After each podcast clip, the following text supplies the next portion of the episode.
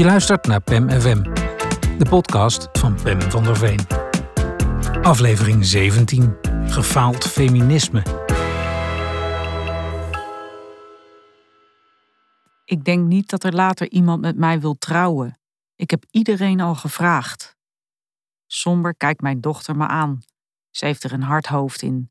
Overschieten op de huwelijksmarkt. Het is immers de nachtmerrie van elke kleuter. In elk geval wel van Melan dus.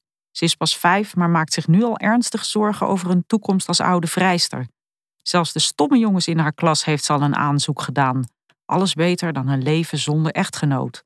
Of erger nog, een leven zonder nageslacht. Want zonder bruiloft geen kinderen en slechts het moederschap geeft zin aan het bestaan. Daarvan is mijn dochter stellig overtuigd.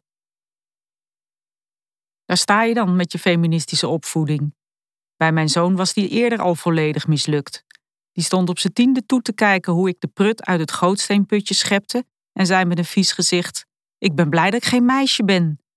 Want zo'n keukenklusje zou hem als jongen vast en zeker bespaard blijven.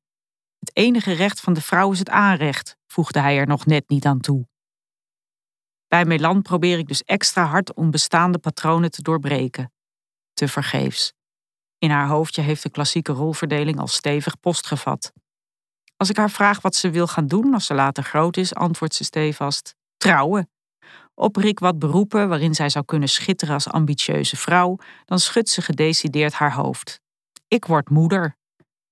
Maar lieverd, werp ik tegen. Waarom geen arts of architect? Waarom geen neurobioloog of IT-specialist? Zeker in de technische sector liggen de kansen voor meisjes voor het oprapen. Maar dan kijk ik nog eens goed naar mijn dochter. Ze draagt een roze tutu, een glitterkroon van plastic en gazen elfenvleugels. Met haar Barbie-toverstaf wijst ze naar de tv, waarop vier supersexy feeën met wespentailles en designer hotpants het kwaad in de wereld bestrijden. Mag ik nu verder kijken? vraagt ze.